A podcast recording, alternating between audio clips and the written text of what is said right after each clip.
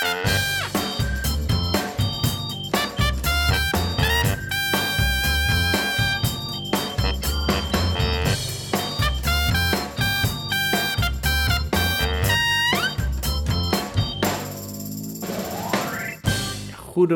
beste luisteraar. Leuk dat u weer luistert naar de nieuwe SIP-podcast uh, van uh, Dick en Jeffrey. Mijn naam is Dick en ik zit hier naast Jeffrey. Jeffrey Schipper, de bekende redacteur van SIP. Ja, is dat zo? Ja, zeker. Hoef je niet meer uit te leggen wie ik ben in, uh, in de terrein? Nee, dat, dat, dat hoeft niet. Oh. Nee. nee, want je bent ook de, de enige van ons allemaal die hier elke podcast nog gezeten heeft tot nu toe, hè? Ja, dat is, ik ga op weg naar een record, hè? ja, precies, ja. Ja, Zeker leuk weten. man.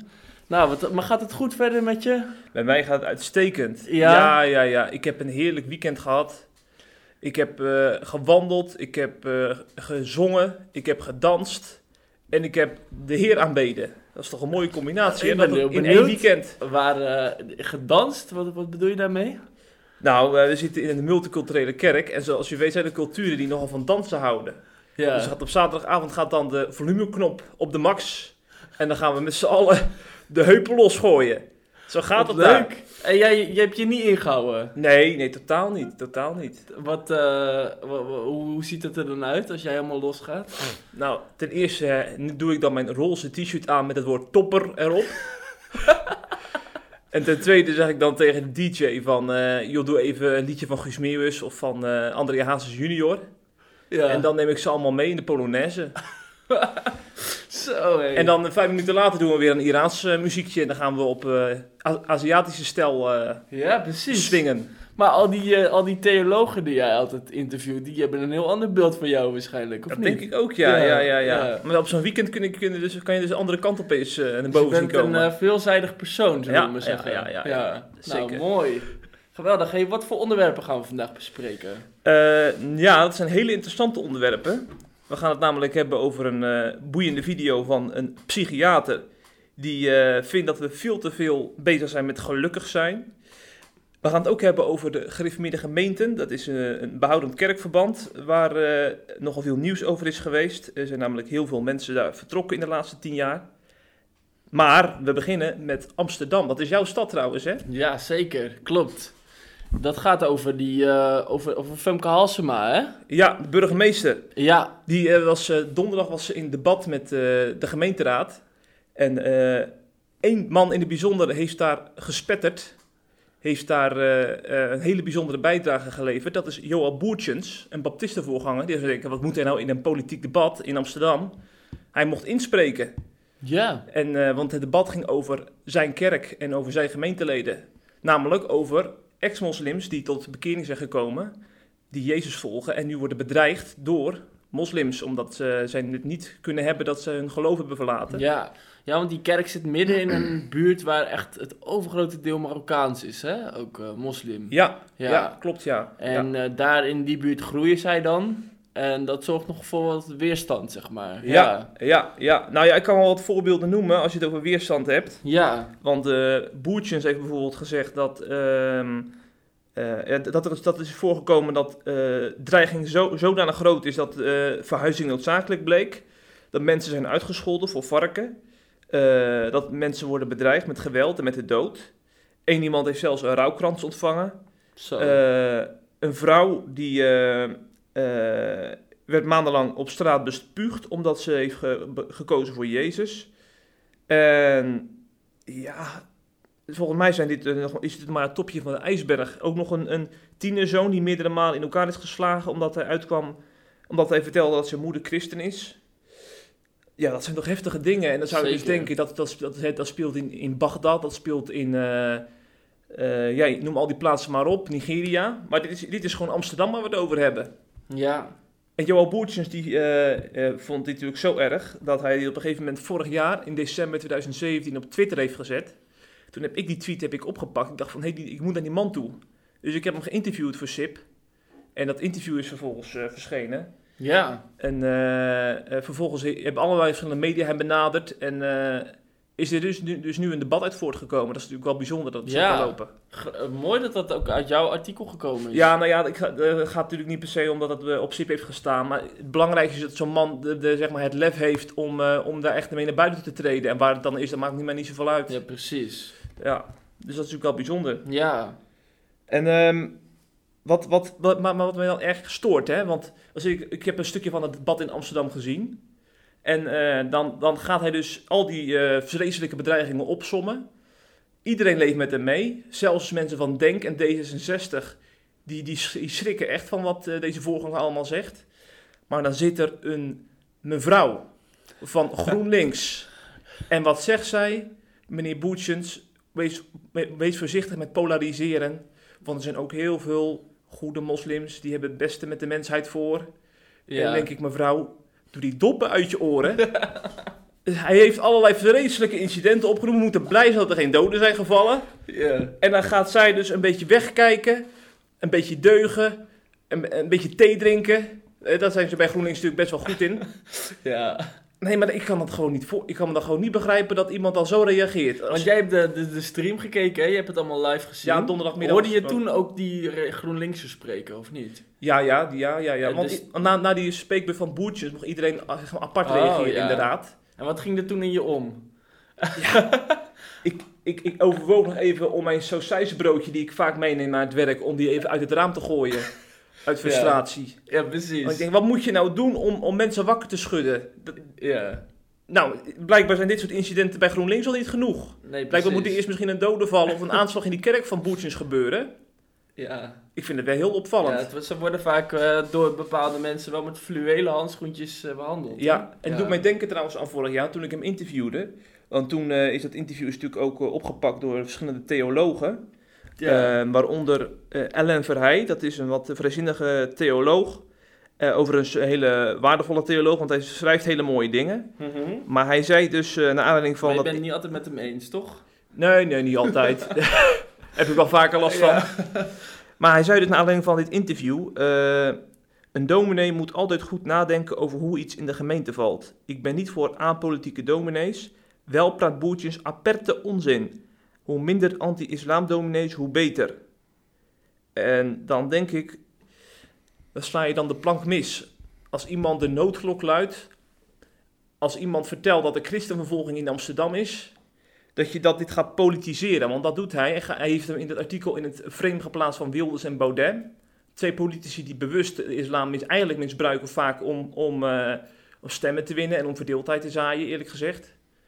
Maar Boertjes is er totaal niet op uit. Hij wil alleen maar opkomen voor mensen in zijn gemeente. Dat is eigenlijk ook zijn taak als herder van een, van een gemeente die, eh, die dit soort dingen meemaakt. En dan krijgt hij eigenlijk krijgt hij dan een, eh, een, trap na van een, van een theoloog die in zijn studeerkamer blijkbaar eh, niet kan hebben dat, dat, dat de schaduwzijde van een godsdienst wordt belicht. Precies. Ja, ben ik het mee En in het eens. hele artikel heeft hij ook niet gezegd van, eh, dat het erg is of zo dat het gebeurt. Het is alleen maar, eh, deze dominee moet, eh, moet wat meer op zijn woorden letten. Ik vind Ja. het echt, dat is eigenlijk een beetje de, de, de GroenLinks gedachte, hè? op deze manier, Klopt. zeg maar, het probleem wegschuiven. Ja. Ja, ja, dat is wel echt wat je... Ja, opvallend vind ik dat. Ja, precies. Hey, en eh, over, over Rotterdam ook, hè? want eh, daar zat ik ook nog aan te denken. Eh, daar hebben we vorig jaar natuurlijk ook verhalen over geplaatst. Dat er dus daar, ehm, zeg maar, een, een, een koppel is. Ze heten Farahoudun en Wesselin. Ja. En die zijn dus in Rotterdam ook bezig onder moslims. Om, om nou ja, ook onder Koerden bijvoorbeeld, om daar het evangelie te brengen. En ze zien ook best wel veel eh, moslims tot geloof komen. En dat heeft hun ook heel erg veel problemen opgeleverd. Eh, ze zeggen ook van elke Koerd die bij ons naar de kerk komt, krijgt met vervolging te maken. En ehm, eh, ze krijgen dan bijvoorbeeld te horen, je bent vervloekt. Of ik hoop dat je getroffen wordt door een bom als je naar de kerk gaat. Eh, dus voor, ja, voor Koerden, zeiden zij ook, zijn deze vernederingen eigenlijk nog veel erger dan fysieke bedreigingen. ja. Eh, dat is in die cultuur is dat heel erg als je dat soort dingen hoort. En ook die voorganger, die vroeger ook een eh, moslim was, die wordt in de moskeeën wordt die kafir genoemd. En dat is iemand die, zeg maar, kafir, als je zo genoemd wordt, dan ben je eigenlijk vogelvrij. En dan mogen de mensen alles met je doen wat je maar wilt, Zo. wat ze maar willen. Ja, eigenlijk is het een doodsbedreiging. Ja, zo zou je het echt kunnen zeggen. En eh, hij stond bijvoorbeeld ook bij, bij een open raam. En iemand die riep ook naar hem van kom dan naar buiten, ik zal je onthoofden. Eh, dus dat soort bedreigingen, dat krijg je constant. En dat is gewoon in je eigen land. Mhm. Dus dat gebeurt gewoon voor onze ogen, zeg maar. Mhm.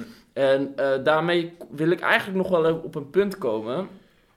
En eh, dat is dat mensen, ik, je hoort vaak de uitspraak, en dat vind ik een interessante, dat mensen zeggen van, we mogen blij zijn dat we in Nederland nog vrij zijn, dat we in Nederland geen vervolging hebben. Eh, en ik denk niet dat die uitspraak helemaal correct is, want ik denk als jij, ehm, eh, zeg maar, we zijn als christenen natuurlijk best wel ingetogen.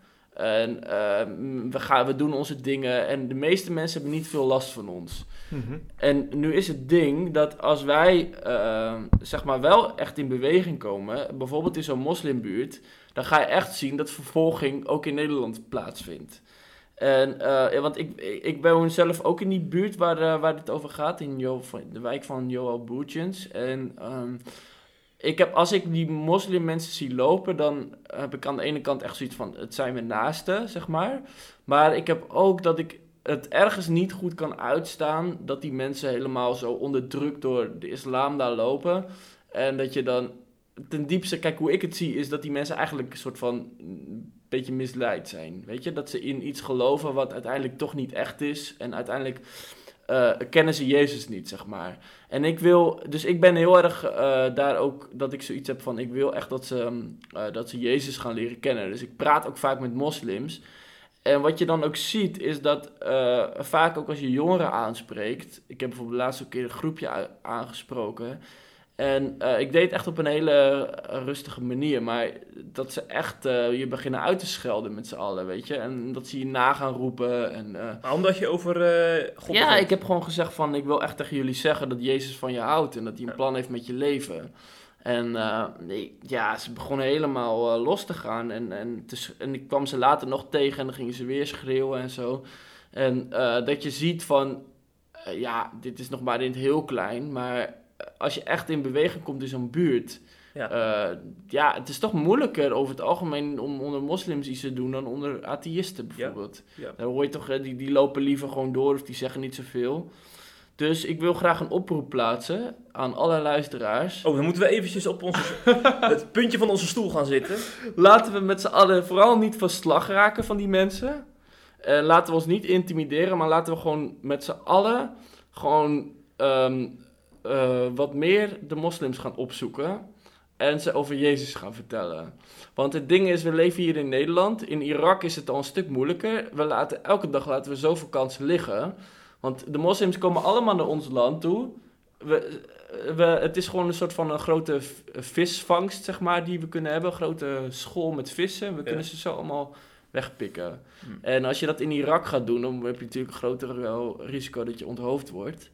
Maar deze, dit, we moeten niet ervoor gaan zorgen dat die moslims ons gaan eh, innemen, maar wij moeten de moslimcommunity innemen. Ja. Wat vind je van die radicale teksten, nou, ik vind het nogal wat hoor. ik, vind, ik vind het nogal wat, want ik ken ook groeperingen. Als je dat doet, dan, eh, ja, dan moet het wel een beetje tactisch. Ja, dat is waar. Maar dat mag ook, hè? Een beetje tactisch. Als, het, eh, als je het gewoon met liefde doet, of je, je organiseert een keer een maaltijd bij je thuis. Dat zou bijvoorbeeld in, eh, in zo'n wijk als eh, in Utrecht goed kunnen. Eh, maar goed, er zijn er heel veel andere manieren. Ja. Maar we moeten de schroom een beetje van ons afgooien voor die moslims. Dat vind ik dan. Ja, ik vind sowieso als je zeg maar christen bent en heb je natuurlijk de taak om het evangelie te delen. Maar Ja, volgens mij eh, la- staat dat los van wie er tegenover je zit. precies. Als je nou toevallig in een buurt woont met veel moslims, ja, dan, ja. dan, dan deel je het met hen. ja, dat is een, Toch? goede, dat is een goed punt. Ja. Ja, Dus, eh, nou, en mocht jij nou zeggen van ja, ik woon in, eh, in eh, Leusden of zo, of weet ik veel waar, ergens waar geen moslims zijn, dan kan je altijd contact met ons opnemen en dan eh, geven we je een rondleiding in onze buurt. ja, ja precies. Ja.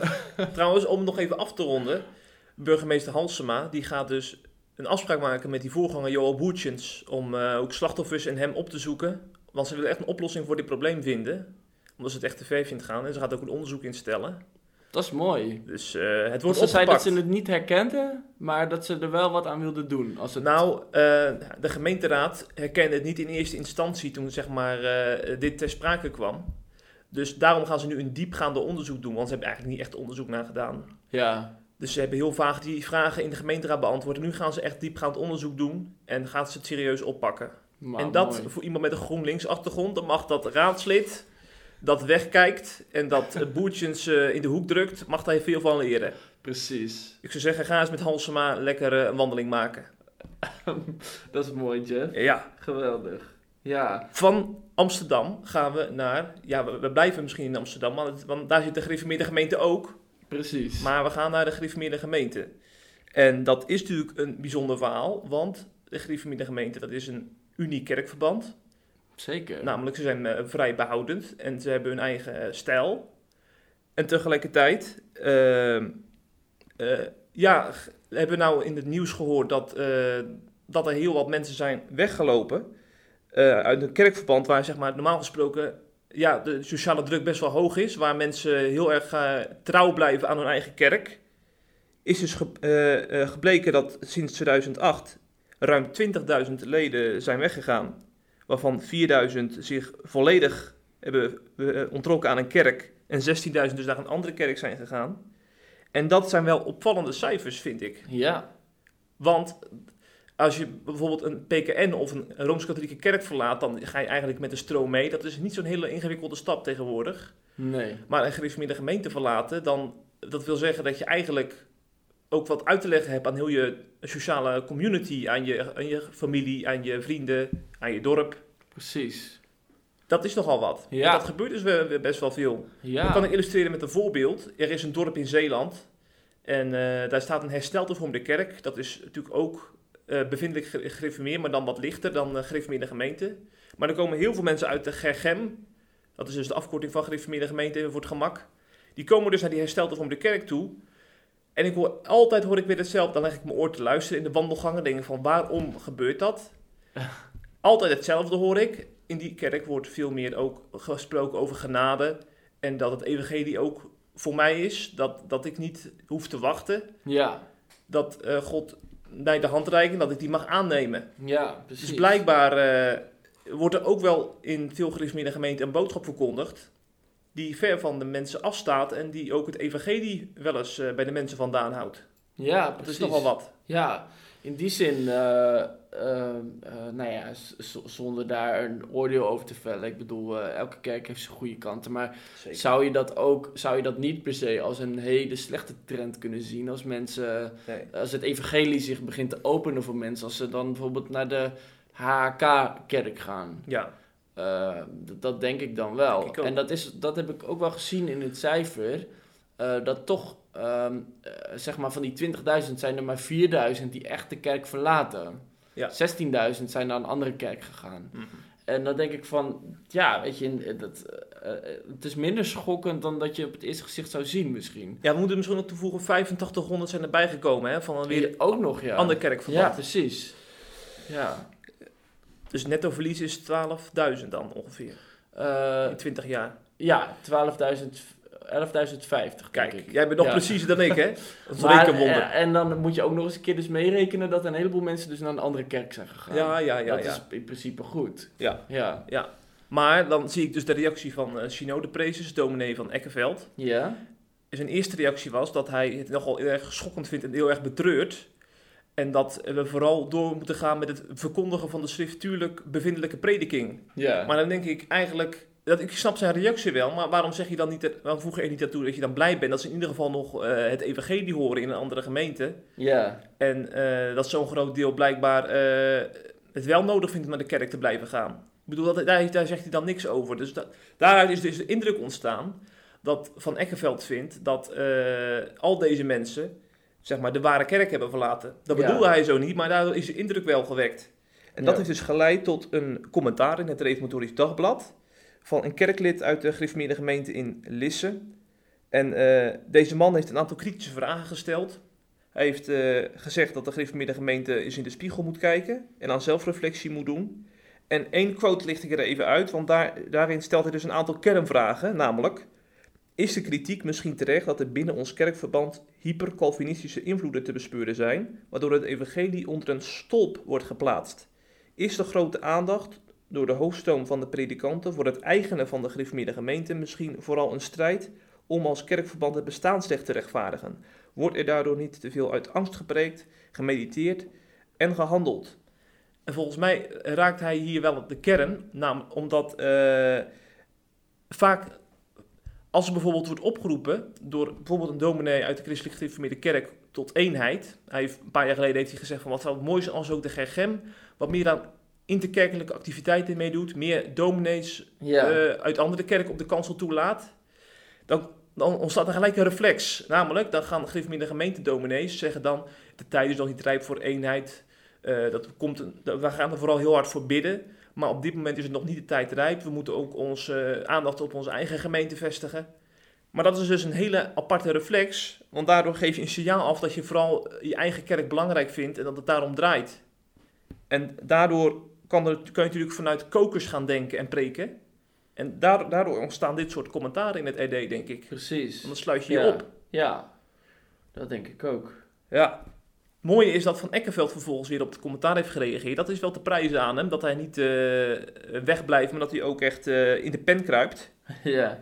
En eh, vervolgens heeft hij een aantal toch wel mooie dingen toegevoegd. Want hij, vindt, hij benadrukt dat de genade ook gepredikt moet worden in de gereformeerde gemeente. Dat is in 1931 is dat afgesproken. Ik denk dat ze toen echt zijn ontstaan als kerkverband. Mhm. Dat de aanbieding van genade, zo noemt hij dat, gepredikt moet worden. En als, gemeente, als het in gemeente niet meer functioneert, dan moeten we daar grote zorgen over hebben, zegt hij. Dus eigenlijk zegt hij indirect hiermee, een predikant die hel en verdoemenis predikt en de genade onder het tapijt schuift, Mhm. die is niet goed bezig. En dat is natuurlijk wel, een goed signaal dat hij hiermee afgeeft, want dat is natuurlijk een veelgehoorde klacht in dit Precies. kerkverband. Ja, en over eenheid had hij het ook weer, hè? Ja, ja, zeker. Want eh, de, de indruk is dus, door zijn eerste reactie is dus ontstaan dat hij vindt dat de gereformeerde gemeente de enige ware kerk is, omdat daar de schriftuurlijk bevindelijke prediking eh, ge- ge- te horen is. Ja. Maar hij heeft dus duidelijk echt gezegd dat eh, op de achtergrond heel veel gesprekken plaatsvinden met andere kerkverbanden. die ook in hun lijn staan. En ehm, dat, hij zich, en- dat hij zich er niet bij wil neerleggen dat, dat er zeg maar verdeeldheid is in, in kerkelijk Nederland.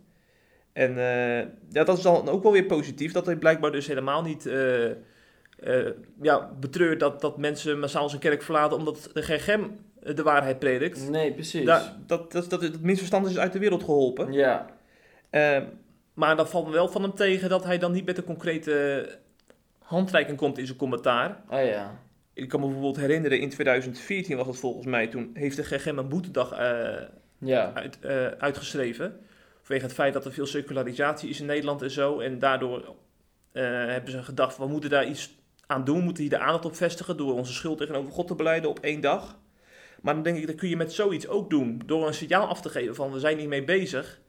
Eh, veel mensen verlaten ons kerkverband. Blijkbaar is er een grote nood in onze kerk. Ja. Of, of bij wijze van spreken door, door een themadag te beleggen of zo. Of door met jongeren in gesprek, massaal in gesprek te gaan van wat, wat, wat kan er beter. Ja. Maar met, echt met handreikingen, echt met, komt hij niet. En dat, eh, dat- daar, daar zou jij- zouden heel veel mensen behoefte aan hebben die zich niet thuis voelen in zijn Ja, kerkverband. En misschien ook wel een stap willen maken naar een andere kerk, denk ik. Ja, ja. Ja, ja ik, wou, ik had ook nog wel een kanttekening bij dit eh, verlies, zeg Ja. maar, dit ledenverlies. Dus we zeiden het net ook al, hè, dat eigenlijk eh 4000 mensen hebben ze dus verloren in de afgelopen 10 jaar. Want 16.000 zijn naar een andere kerkverband gegaan, dus 4000 die echt niet meer naar de kerk gaan. Als je dat vergelijkt met de PKN, die verliezen er jaarlijks 70.000. Hm. Dus dat, dat is echt heel erg veel. De 70.000 leden per jaar gaan daar weg. En eh, in de, nou goed, dat kan je dus vergelijken met de 2000 die bij de, bij de GGM weggaan, inclusief dus de, naar andere kerken. Precies. Eh, dus je zou dan kunnen, ze- ook ze- kunnen zeggen, bij de PKN gaan er 70.000 weg en bij de GGM maar 400. Ja. Het is een heel groot verschil. Natuurlijk is de PKN een veel grotere kerk, want die hebben eh, 1 miljoen, 850.000 leden. Eh, dus dat is wel veel meer dan de, iets meer dan 100.000 van de GGM. Ja. Eh, maar in verhouding ehm, staat tegenover elke, elke vertrekkende GGM'er staat eh, twee staan twee vertrekkende PKN'ers tot zelfs misschien vijf als je het dus bekijkt naar uh, zeg maar waar ze heen gaan. Ja. Uh, dus dat is veel en veel meer. En in die zin, in de tijd van secularisatie, uh, moeten we altijd natuurlijk het ons blijven aantrekken dat de kerk leeglopen, maar doet de gegeven niet eens zo heel slecht vergeleken met heel veel andere kerken. Nee. En dat vind ik toch wel een mooi punt waar we het vorige week ook over hadden, was dat uh, juist de kerken waar een orthodoxe boodschap gepreekt wordt, waar niet afgeweken wordt van, van bijvoorbeeld thema's als het oordeel, uh, de vrezen des heren, um, dat soort onderwerpen, uh, dat dat toch blijkt dat dat, zeg maar, dat dat dan veel, dat die kerken het veel beter doen dan de kerken die meer de vrijzinnige hoek induiken. Ja. En dat is echt een recept voor kerkverlating, Ja. zeg maar. En zelfs alle kerken die een beetje vrijzinnig worden en allerlei dingen proberen te doen om het op te poetsen, Mhm. uh, dan kan je nog beter zelfs een beetje zwarte kousen, uh, groot orgel uh, in de kerk hebben. Ja. Dat blijkt dat dat allemaal nog veel, dat het eigenlijk allemaal veel beter uitwerkt. Mhm. Mhm. Dat is eigenlijk wel wat ik heel interessant vind. Ja, ja, het Ja. ook, zeker. En eh, ook, ook wel goed eh, om nog te benadrukken inderdaad, dat eh, dit soort kerken heel erg, goed en, heel erg goed zijn in het vasthouden aan hun eigen principes. Precies. En, eh, en dat het ook echt een kracht met zich meedraagt. Want in deze tijden wordt er aan allerlei, door allerlei middelen wordt aan ons getrokken om maar ja, om onze gedachten op, er- op iets anders te focussen. Ja. En, en juist dit soort kerken zijn er heel erg goed in om, om, om zeg maar echt maar één ding centraal te stellen. En dat is uiteindelijk toch het evangelie waar het om draait. Ja. En misschien ook wel goed om nog even te zeggen. Soms heerst er wel eens een beetje een beeld van bij de, bij de gereformeerde gemeente van het zijn allemaal fariseeërs en zo. En, eh, maar dat moeten we ook een beetje bijstellen. Ik heb in de loop der jaren ook zoveel positieve gergebbers ontmoet. Ja. Die echt vol overtuiging geloven. En het ook willen uitdragen. En dan denk ik van, eh, we moeten er wel voor oppassen dat we door, door, be- door bepaalde dominees die, die dan eh, zeg maar eh, eh, mensen bij het evangelie weghouden, dat we dan een heel kerkverband wegschuiven. Ja, Want Dat is niet precies. terecht namelijk. Nou, dat heel is veel, mooi. Heel veel goede dominees, ook in de gereformeerde gemeente, die een evangelie verkondigen van genade en zonde. Ja, precies. Nou, dat is toch weer mooi dat, dat de, de persoon die dit weekend nog helemaal los ging op de dansvloer. Het dan, dit, eh, dit onderwerp dan eh verdedigt. Ja, nee, Zeker. maar dat is. eh, dat is je, je bent veel bij die mensen binnen geweest ook, hè? Bij, bij veel theologen, dominees van alle hoeken. Ja, En, ook bij de gereformeerde gemeente komt het ja, regelmatig. Ja. dat is toch mooi om te zien hoe je daardoor geïnspireerd bent geraakt. Ja, ja. ik doe maar even, zomaar voor de grap, dominee Tuinier. ja, Geweldig man, hoe die man over het evangelie kan praten. ja. Dat is jaloersmakend. Nou, geweldig. Ja, echt waar. Ja. Wij gaan afsluiten met een psychiater. Want die heeft nogal een, eh, ja, die komt nogal even in huis vallen met een boodschap. Heeft, eh, heb je dat filmpje toevallig bekeken? Of, eh? Mm, het filmpje niet. Ik heb het artikel wel Oh ja, een deel gezien. ja, ja, want hij heeft, dat is dus gebaseerd op een, op een filmpje waarin hij voor een zaal staat en op een nogal grappige manier, ludieke manier, mensen toespreekt op ja, manier van leven eigenlijk, op een westerse manier van leven, waarin het allemaal draait om geluk. En eh, terwijl juist in een tijd waarin we zo gelukkig zijn, hè, want we geven het leven volgens mij gemiddeld een 7 of een 8 of zo eh, in, eh, in Nederland en België, Mhm. dat juist in deze tijd er zoveel mensen met burn-outs kampen en depressief zijn. eh, want hij komt gewoon tijd tekort om al die mensen te behandelen als psychiater. Zo. En in, die, in ja, zijn speech heeft hij dus benadrukt ja, dat, dat we blijkbaar toch iets fouts doen als samenleving. Het leven moet alleen maar leuk, leuk, leuk, leuk zijn. En volgens hem is dat een vergissing, want dat is helemaal niet zoals het zou moeten zijn. Precies. Dat is niet realistisch. En dat deed mij denken, zijn woorden, aan een Facebook-video die ik vorige week voorbij zag komen. Van een Facebook-vriendin van mij. Die, eh, die, eh, deze vrouw die heeft een huis op het oog. Een heel Ja. mooi huis met haar gezin. En eh, op een gegeven moment eh, heeft ze de- dus te horen gekregen dat dat niet doorgaat. Of tenminste voorlopig niet doorgaat, want die aannemer is failliet gegaan. Maar wat ik zo mooi vind daaraan, is dat ze dat... Want ze heeft natuurlijk op Facebook allemaal mooie dingen gezet over plannen met een mooie huis en hoe ver ze waren en zo. Ze heeft dus gewoon het lef gehad om ook een filmpje op te nemen en dat op Facebook te posten. En te zeggen van, ook met echt een betreurd gezicht van, eh, eh, onze aannemer is failliet. En nou, ik vind, als ik nou al die mooie dingen met jullie deel op Facebook, dan wil ik ook graag dit delen. Hmm. En eh, dat is natuurlijk eigenlijk heel erg, gaat dat tegen de tijdgeest in. Want ik zou mij niet op het idee komen om, om, om zoiets op Facebook te zetten. Want dan denk ik van ja, het is niet echt leuk om dit te zeggen en dit wordt niet geliked en mensen zitten er niet op te wachten. Maar het viel me heel erg mee. Mensen zitten er wel op te wachten. Er werd volop op gereageerd.